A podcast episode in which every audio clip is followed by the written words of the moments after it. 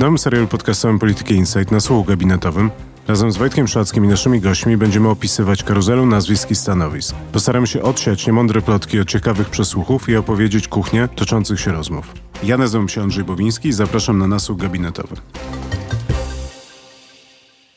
Jest środa 20 listopada. Nazywam się Andrzej Bowiński i zapraszam na nasłuch gabinetowy. Wczoraj razem z Wojtkiem Szackim wysłuchaliśmy ekspozę premiera Morawieckiego. Wojtku, czy dziś wiemy więcej o tym, jaki będzie rząd Mateusza Morawieckiego, o którym tyle rozmawialiśmy w ostatnich tygodniach? Wiemy trochę więcej, ale nie mam wrażenia, żeby wydarzyła się jakaś rewolucja. To nie było jakieś przełomowe expose, które by odmieniło moje przynajmniej myślenie o tym rządzie. Usłyszeliśmy w zasadzie zapowiedzi tego, co rząd już obiecywał, czy też cały obóz Zjednoczonej Prawicy obiecywał w kampanii wyborczej. Dużo jest kontynuacji programów z poprzedniej kadencji. Zabrakło mi w tym ekspoze takiego jasnego wytyczenia kierunku, jakiegoś takiego naszkicowania, powiedzenia, gdzie my jesteśmy, dokąd zmierzamy. Było tam dużo drobnych newsów, drobnych pomysłów, jak na przykład wprowadzenie systemu kaucyjnego za butelki plastikowe, czy też zaostrzenie kar dla pijanych kierowców. Zabrakło takiego powiedzenia, panie i panowie, jesteśmy w takim i takim momencie historycznym, i chcemy w tym momencie zrobić to i to. Ja miałem wrażenie, że tam zabrakło trochę wizji, takiego rozmachu, wielkich projektów, czegoś, co Mateusz Morawiecki tak naprawdę wchodził do polityki, bo myślę, że wiele osób usłyszało Mateuszu Morawieckim w momencie, kiedy prezentował SOR i można się było z tego śmiać albo temu kibicować, ale tam były te Slajdy. Slajdy były, natomiast tam też były te wielkie projekty i milion samochodów elektrycznych i przekop mierzei i centralny port komunikacyjny, więc takich wielkich jakichś obietnic z tego, jak ta Polska naszych marzeń będzie wyglądała za ileś lat. Tak, no PiS w tej pierwszej kadencji swojej miałem wrażenie, że z większym rozmachem e, mówił o swoich projektach to się jakoś opłaciło, no bo wygrali wybory i utrzymali samodzielną większość. A teraz wygląda na to, jakby Mateusz Morawiecki wyszedł i powiedział, no, że dokończymy to, co zapowiedzieliśmy. Trochę usprawnimy to, co robiliśmy. To też wynika z konstrukcji rządu. Na przykład udało im się wskrzesić Ministerstwo Skarbu, które wcześniej z sukcesem zlikwidowali. I teraz w tym ekspoze też właśnie zabrakło takich ram filozoficznych, ideowych, które by by podwaliną dla działań rządu. Trochę to próbował później zrobić Jarosław Kaczyński w tym przemówieniu pierwszym w debacie po ekspoze Mateusza Morawieckiego. On powiedział, że idą trudne czasy i że te trudne czasy stanowią zarówno zagrożenie, jak i tworzą takie okno możliwości dla Polski na dogonienie państw Unii Europejskiej, tych zachodnich i na doszlusowanie do tych najważniejszych państw w Europie. Tam u Jarosława Kaczyńskiego pojawiła się też wizja Unii Europejskiej jako gracza globalnego. Ja myślę, że możemy sobie pozwolić na taką ocenę, że to ekspoze było dosyć zachowawcze. Rozumiem, że to też było wymuszone przez moment polityczny i przez rozpoczynającą się albo już trwającą kampanię prezydencką. Znaczy to jest niewątpliwie w tym momencie najważniejsze wyzwanie dla obozu Zjednoczonej Prawicy, znaczy by utrzymać władzę w Pałacu Prezydenckim, żeby wygrać wybory prezydenckie i że mam wrażenie to expose trochę grało na Andrzeja Dudę i na wizję PiSu, który jest partią spokojną, normalną, a może wręcz centrową. Mam wrażenie, że przede wszystkim to było ekspozy technokratyczne, że trzeba dokręcać śrubki, trzeba pilnować, żeby ta ciepła woda z kranów leciała. Zostawiamy na razie wielkie projekty ideologiczne, zostawiamy projekty, które a w każdym razie na razie o nich nie mówimy, takie, które mogłyby wywołać duży konflikt Dlatego, co ciekawe, nie było tam w zasadzie ani słowa o samorządach, czyli jak PiS widzi rolę samorządów w państwie. Skądinąd wiadomo, że raczej chciałby ograniczyć rolę samorządów, ale z kolei też skądinąd wiemy, że prezydentowi zależy na dobrych relacjach z samorządami, również tymi niezależnymi, nie tylko pisowskimi, ale wiadomo, że większość samorządowców w Polsce to są ludzie poza zarówno PiSem, jak i koalicją obywatelską. Więc tutaj widać, że nie chcą zadrażnień rządzący z samorządowcami. Widać, że nie było ani słowa o mediach i ich polonizacji, koncentracji, jakkolwiek to nazwać. A wiadomo znowu, że takie plany gdzieś w głowach polityków PiS są. Nie było też specjalnie za dużo mowy o kwestiach praworządności, zmianach w sądownictwie, poza zapowiedzią, że te zmiany będą. Żadnych konkretów nie usłyszeliśmy. Ja spotkałem się z taką opinią, że to expose i to przemówienie było podyktowane trochę tym, co chcą Polacy. To znaczy, że z badań wynika, że Polacy oczekują bezpieczeństwa, chcą więcej słyszeć o rodzinie, chcą dobrobytu, chcą, żeby mówiono więcej o dumie, o nierównościach, o sądach, jakby o takich rzeczach, które dotykają na co dzień albo o których Polacy rozmawiają. To nie jest niespodzianką, że rządzący zawsze starają się trafić w nastroje społeczne i sprawić, że to, co oni proponują, będzie się podobało i co będzie budowało ich popularność. Więc to akurat mnie specjalnie nie zaskakuje. No to robił wcześniej Donald Tusk przez wiele lat ze sporymi sukcesami, a jeszcze wcześniej nie robił tego Jarosław Kaczyński w kadencji 2005-2007 i myślę, że ta lekcja z tamtej kadencji jest wciąż żywa w e, głowach polityków PiS, a także lekcja z początku kadencji poprzedniej, kiedy zaczęli konflikt e, o Trybunał Konstytucyjny, później konflikt o Sąd Najwyższy. Byli za to krytykowani nie tylko z pozycji liberalnych, ale również z pozycji konserwatywnych przez część think tanków za psucie prawa. Ale poczekaj, bo to są dwie rzeczy. Jedna to jest, co chcą Polacy, a drugie to jest, co chcą wyborcy PiSu. I rozumiem, że tutaj można by jednak zastanowić się, czy to jest rzeczywiście to samo i czy jednak to przemówienie nie było skierowane do szerszego grona niż tylko ludzie, którzy głosują na PiS. Dla wyborców PiSu na pewno był ten fragment o rodzinie tradycyjnej rodzinie, która jest bastionem Polski. Tutaj Mateusz Morawiecki odwołał się do słów kardynała Wyszyńskiego. Zapewnił, że nie będzie krępowany polityczną poprawnością. To był język taki trochę konfederacji, trochę PiSu odwołujący się do pragnień i wyobrażeń wyborców PiSu ale były też oczywiście fragmenty skierowane do publiczności szerszej, takiej trochę wielkomiejskiej, trochę takiej klasy średniej, takich mieszczuchów, o których marzy Jarosław Gowin. Duża część tego, co mówił Mateusz Morawiecki, mogło się znaleźć w programie Porozumienia Jarosława Gowina, na przykład te kawałki dotyczące energii, wspierania fotowoltaiki, wspierania prosumentów. Poza tym cały ten wątek o ochronie środowiska, o ograniczeniu plastiku, właśnie o tych kaucjach za butelki, a także wątek, który zabrał sporo miejsca w tym expose, czyli bezpieczeństwo na drogach i zaostrzenie przepisów dotyczących pijanych kierowców, ochrona też pieszych. Być może sięgną tutaj do dorobku Janusza Wojciechowskiego, który długo walczył o prawa pieszych. No to są takie poglądy, które są generalnie zdroworozsądkowe, a zarazem kojarzone na razie z lewicą bardziej niż z pisem. Takim słowem kluczem, słowem, które było powtarzane i odmieniane przez wszystkie przypadki w tym ekspoze było słowo normalność. Mam wrażenie, że to była myśl przyświecająca. Ktoś mi napisał z okolic PiSu, że to był wymysł PR-owców i był niezadowolony, że takie było świetne przemówienie, ale że PR-owcy je popsuli, bo wszędzie nawpychali tą normalność.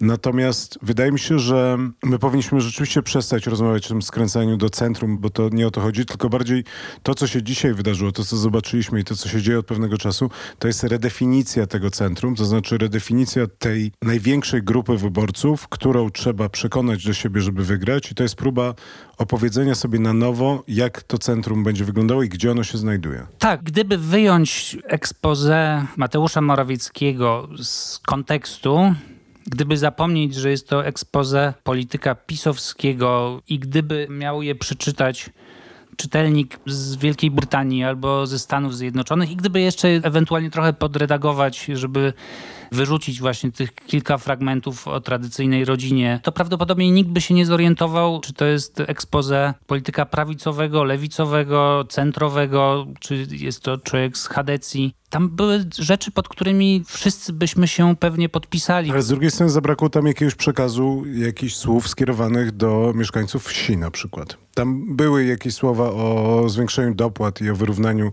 dopłat z innymi krajami europejskimi, ale tak naprawdę to było przemówienie skierowane raczej do tego elektoratu, który obiecuje od pewnego czasu dowieść i nie zawsze dowozi Mateusz Morawiecki. No dlatego Władysław Kośniak-Kamysz punktował to przemówienie, mówiąc, że na rolnictwo zostało poświęcone 30 sekund. Rzeczywiście, być może PiS uznał, że wieś już jest zaklepana i na zawsze już pozostanie we władaniu PiSu i że teraz trzeba walczyć o innych wyborców. Poza tym pewnie te 30 sekund akurat zmieści się w wiadomościach i wszyscy będą zadowoleni. Ja bym jeszcze wrócił do tej myśli, że to expose było takie trochę wyprane z ideologii i ogólnosłuszne, bo z tego punktu widzenia widać, jak przed trudnym zadaniem stanęła opozycja, żeby zdekonstruować to przemówienie i właśnie pokazać Mateusza Morawieckiego jako człowieka, który jest niewiarygodny w tym, co mówi. I z tego zadania chyba najlepiej wybrnął Adrian Zandberg, który w pierwszych słowach już powiedział, że generalnie zgadza się z wieloma słowami, które padły, ale przypomniał, że Mateusz Morawiecki od dwóch lat rządzi i że mówi w zasadzie to samo, co mówił przez ostatnie dwa lata i czego nie dowiózł, nie spełnił, więc Tutaj rolą opozycji i celem opozycji było raczej pokazanie braku wiarygodności w tym, co mówi Mateusz Morawiecki, a nie polemika z tą czy inną tezą jego. Tutaj w ogóle jest dosyć ryzykowna gra, jeżeli porównywać to przemówienie do przemówienia Donalda Tuska z 2011 roku, jeżeli założyć, że to było trochę takie przemówienie o ciepłej wodzie w kranie w 2019 roku, to z jednej strony jest to może próba powiedzenia, że dolecieliśmy, wylądowaliśmy i teraz zajmujemy się rządzeniem, ale z drugiej strony to może zaprowadzić tą partię na manowce. To znaczy ten brak ideologii,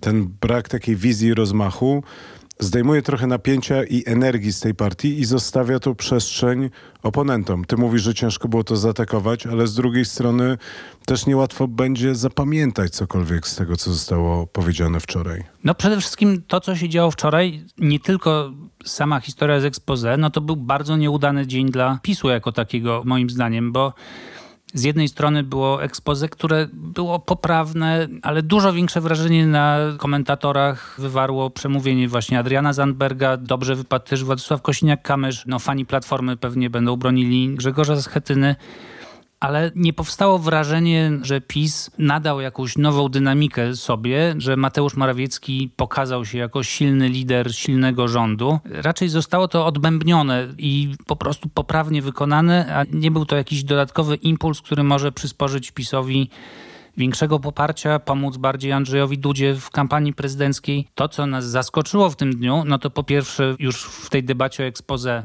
bardzo dobre występy mniejszych partii, które być może zwiastują jakiś trwalszy trend na scenie politycznej.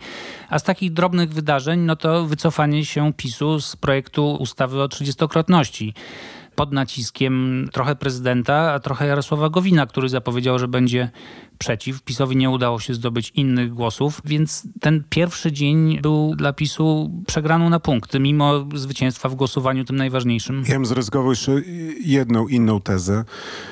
Mianowicie taką, że tak jak pierwsza kadencja PiSu stała trochę pod znakiem umniejszania roli parlamentu i pokazywania, że ważna polityka toczy się gdzie indziej, nie w parlamencie, że parlament jest bardziej taką maszynką do robienia ustaw, do przepychania ich szybko w nocy przez Sejm i Senat, tak żeby zostały jak najszybciej też niekiedy cichcem podpisane przez prezydenta, to mam wrażenie, że w tej drugiej kadencji widzimy trochę taki trend, takie pokazanie światu, że to nie w rządzie zapadają najważniejsze decyzje, że to nie rząd jest tutaj najważniejszy. I to piątkowe ogłoszenie składu rządu, które się wydarzyło już po i wiadomościach, i faktach, w momencie, kiedy wielu Polaków wyjeżdżało na długi weekend. No i teraz to ekspoze, w którym też nic nie zapowiedziano. To znaczy raczej jest tak, że silny rząd czy silny premier wykorzystuje taką okazję, żeby właśnie nakreślić, opowiedzieć, obiecać, jakoś zarysować swoją wizję, to, co widzieliśmy, to tak jak rozmawialiśmy i powtarzaliśmy,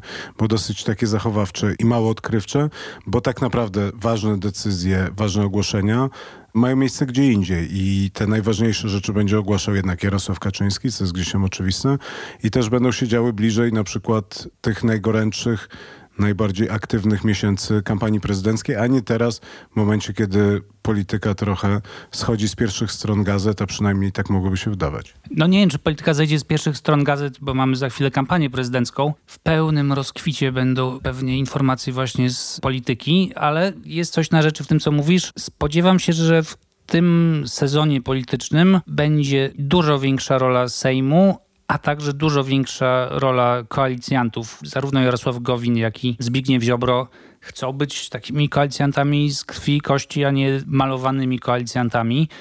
Zobaczymy, jak będzie wyglądała umowa koalicyjna, która była negocjowana właśnie wczoraj. Kamery TVN-u zarejestrowały przechadzkę Jarosława Kaczyńskiego ze Zbigniewem Ziobrą i Jarosławem Gowinem. Myślę, że to będzie bardzo ciekawa kadencja, zwłaszcza, że PiS na razie się wyraźnie obawia. Ja rozmawiałem z politykami PiSu, oni się boją, że ta większość jest krucha. To jest 235 posłów, czyli niby tyle samo, co w poprzedniej kadencji, no ale w poprzedniej kadencji niemal od samego początku mogli liczyć na wsparcie części polityków Kukiz 15 i ta większość była tak naprawdę dość bezpieczna. Teraz to jest 235 posłów. Jak się trzech obrazi, a trzech zachoruje, no to nie ma większości. Jak Jarosław Gowin powie nie, nie ma większości. Jak Zbigniew Ziobro powie nie w jakiejś sprawie, też nie ma większości. Myślę, że teraz PiS robi wszystko, żeby te pierwsze pół roku, przynajmniej w Sejmie, było w miarę spokojne, w miarę bez awantur. Myślę, że mógł Jarosław Kaczyński zmusić Jarosława Gowina do głosowania za trzydziestokrotnością. Myślę, że ma takie narzędzia polityczne, żeby to wymusić, a jednak tego nie zrobił. Mógł spróbować nawet rozbić jego partię i wyciągnąć 10 posłów czy 12 posłów od Gowina, bo umówmy się, myślę, że jednak ta lojalność wobec Nowogrodzkiej jest większa nawet wśród polityków od Gowina w stosunku do PiSu niż do macierzystej partii. Nie stało się tak, PiS się cofnął, PiS nie lubi się cofać, Jarosław Kaczyński nie lubi się cofać. Ale wracając do mojej poprzedniej myśli, wydaje mi się jednak, że jeżeli byśmy mieli silny rząd i silnego premiera, to też ta polityka sejmowa by inaczej wyglądała. To znaczy to, o czym ty mówisz, to negocjowanie wszystkiego z koalicjantami, to jest tym boleśniejsze i tym trudniejsze w sytuacji, w której ten rząd spełnia rolę techniczną, a wydaje się, że taką rolę będzie spełniał, bo rzeczywiście wtedy cały ten ciężar decyzyjności przechodzi na Nowogrodzką i na spotkania trójstronne. W momencie, w którym byłby silniejszy rząd, wydaje mi się, że dużo łatwiej byłoby to rozgrywać. Ale to chyba było tak od początku zaplanowane, że Jarosław Kaczyński nie chciał, żeby Mateusz Morawiecki, a być może nawet bardziej to otoczenie Jarosława Kaczyńskiego nowogrodzkie, nie chciało, żeby Mateusz Morawiecki był przesadnie silny, żeby był takim premierem pełną gębą. I myślę, że Mateusz Morawiecki też zdaje sobie sprawę z pewnych swoich ograniczeń, ograniczeń swojej władzy. I myślę, że jego rolą jest znalezienie pieniędzy, zagwarantowanie, że to się wszystko uda zszyć. A mówiąc to wszystko, mam na myśli przede wszystkim budżet, żeby te transfery społeczne mogły się nadal dokonywać. Pewnie nowych nie będzie, niewiele o nich w każdym razie było w ekspoze. A prawdziwą politykę spodziewam się zacznie Jarosław Kaczyński w drugim półroczu tej kadencji. Jeśli wygrają wybory prezydenckie, być może wtedy przyjdzie czas na może nawet nowego premiera, a jeśli nie nowego premiera, to może jakieś korekty w rządzie, a na pewno spodziewam się jakiejś ofensywy ideologicznej wymierzonej czy to w sądy, które wciąż są traktowane przez PiS jako pewna konkurencja w walce o władzę nad Polską. Zabiorą się za prawo o mediach, czy też w ogóle za strukturę mediów. Będą podejmowane próby osłabienia samorządów. To wszystko, co widzimy teraz, co usłyszeliśmy wczoraj, jest takim trochę mydleniem oczu i wybiegiem wyborczym, a nie rzeczywistą zmianą kursu, która by mówiła coś o całej tej kadencji. No ja tu się cały czas będę z sobą kłócił, że to nie jest binarne. To znaczy, ja nie mam tak, żeby to było albo, że pójdziemy na ostro, albo, że będziemy łagodzić. Wydaje mi się, że dzieje się coś trochę innego. Zobaczymy, jak długo to będzie trwało, jak bardzo to będzie udane, ale jest próba redefinicji tej przestrzeni politycznej. I to patrząc i na opozycję, i też patrząc na to, w jaki sposób zostanie zdefiniowane możliwie szeroko zakrojone centrum, i to, w jaki sposób partia obecnie rządząca będzie się z tym wyborcą komunikowała. Bo wydaje mi się, że to nie jest tylko perspektywa najbliższych sześciu miesięcy, czy najbliższej kadencji, tylko to jest też kwestia, mówiąc po angielsku, takiej legacy politics, to znaczy to jest ta próba myślenia o tym, jak ta polska polityka, jak ten PiS sobie będzie radził w erze, uwaga, po Jarosławie Kaczyńskim. Też nie uważam, żeby to był obraz czarno-biały. Myślę, że tam jest wiele więcej kolorów i myślę, że za różne sznurki i na różnych nutach można grać tę melodię. I chodzi raczej o to, co dominuje w danym momencie. I teraz dominuje technokratyzm z niewielką domieszką ideologii, żeby ci najtwardsi wyborcy się nie przestraszyli i nie zaczęli szukać prawdziwych patriotów i prawdziwych prawicowców, a mają przecież ofertę z Konfederacji. Natomiast teraz oko Nowogrodzkiej zwróciło się w stronę wielkich miast, wyborców z, pewnie z wyższym wykształceniem, a być może nie wyborców, tylko ludzi, którzy do tej pory nie głosowali. No, znam ludzi, którzy mówią, że z różnych powodów nie głosują na koalicję obywatelską czy na lewicę, ale na PiS nie chcą głosować, ponieważ nie odpowiada im na przykład warstwa światopoglądowa prezentowana przez PiS, a doceniają tę partię z innych powodów. I teraz ja się wycofam ze swojej zbyt ostro postawionej tezy. Myślę, że to, co teraz widzimy, to jest pewna mądrość etapu, z której prawdopodobnie PiS rzeczywiście się wycofa, bo zorientuje się, że tego się tak nie da zrobić. To znaczy, że ta próba zdefiniowania nowej normalności, ta próba przesunięcia centrum jest nie do zrobienia, bo patrząc na stopień podziału społeczeństwa, a nie skład sceny politycznej, to prędzej czy później jednak twardogłowi w PiSie dojdą do głosu i powiedzą, że ten projekt, jakim nadal jest moim zdaniem jednak Mateusz Morawiecki, ta próba pójścia do centrum, ta próba zmienienia reguł gry się nie udaje i nie dość, że tutaj niewiele udało się uzyskać, to jeszcze do tego tracimy prawą flankę na rzecz Konfederacji. Trochę odpowiedzią na to pytanie będą wybory prezydenckie. Jeśli Andrzej Duda albo wygra z najwyższym trudem, albo przegra, nie daj Boże z punktu widzenia PiSu, no to wtedy można się spodziewać bardzo głębokiej zmiany kursu. Gdyby udało się Andrzejowi Dudzie wygrać bardzo wyraźnie, nie wiem, 60 do 40% w drugiej turze i zarazem Władysław Kosiniak-Kamysz, kandydat Lewicy i kandydatka zapewne Koalicji Obywatelskiej Małgorzata Kidawa-Błońska. Gdyby żaden z tych kandydatów nie osiągnął wyraźnego sukcesu, czyli wyników wyraźnie lepszego niż mają partie, które oni reprezentują, no to być może byłaby to wskazówka, że należy pozostać przy tym kursie technokratycznym, centrowym, wielkomiejskim. I być może już byśmy mieli taki PiS do końca kadencji. I tak oto od ekspozy dojechaliśmy do wyborów prezydenckich. Ciężko jest stwierdzić, czy jeszcze będziemy kontynuować tę rozmowę o rządzie. Ja bym chętnie porozmawiał o tym, w jaki sposób będą uporządkowane ministerstwa, jak zostanie znowelizowana ustawa o działach i jak będzie wyglądał ten drugi szereg rządowy składający się z wiceministrów. Ale nie jestem pewien, czy w przyszłym tygodniu uda nam się o tym porozmawiać, bo na tym etapie jeszcze jest za wcześnie, żeby rozmawiać o wiceministrach w kluczowych resortach. Jakieś rozmowy na pewno się toczą, ale też w wielu resortach jeszcze decyzje nie zapadły. Bardzo Państwu dziękujemy i do usłyszenia. Dziękuję. Dzień dobry. Nazywam się Robert Tomaszewski. Od siedmiu lat w Polityce Insight zajmuję się sektorem energetycznym i polityką klimatyczną. Zapraszam Państwa do słuchania nowego podcastu Energia do zmiany, w którym opowiadam o najważniejszych wydarzeniach w energetyce, o trendach technologicznych i zmianach regulacyjnych w Polsce i Europie. Z moimi gośćmi dyskutujemy też o konwencjonalnych i odnawialnych źródłach energii. Podcast Energia do zmiany znajdziecie Państwo na SoundCloudzie, Spotify i iTunes. Zapraszam do słuchania, obserwowania i komentowania. Do usłyszenia.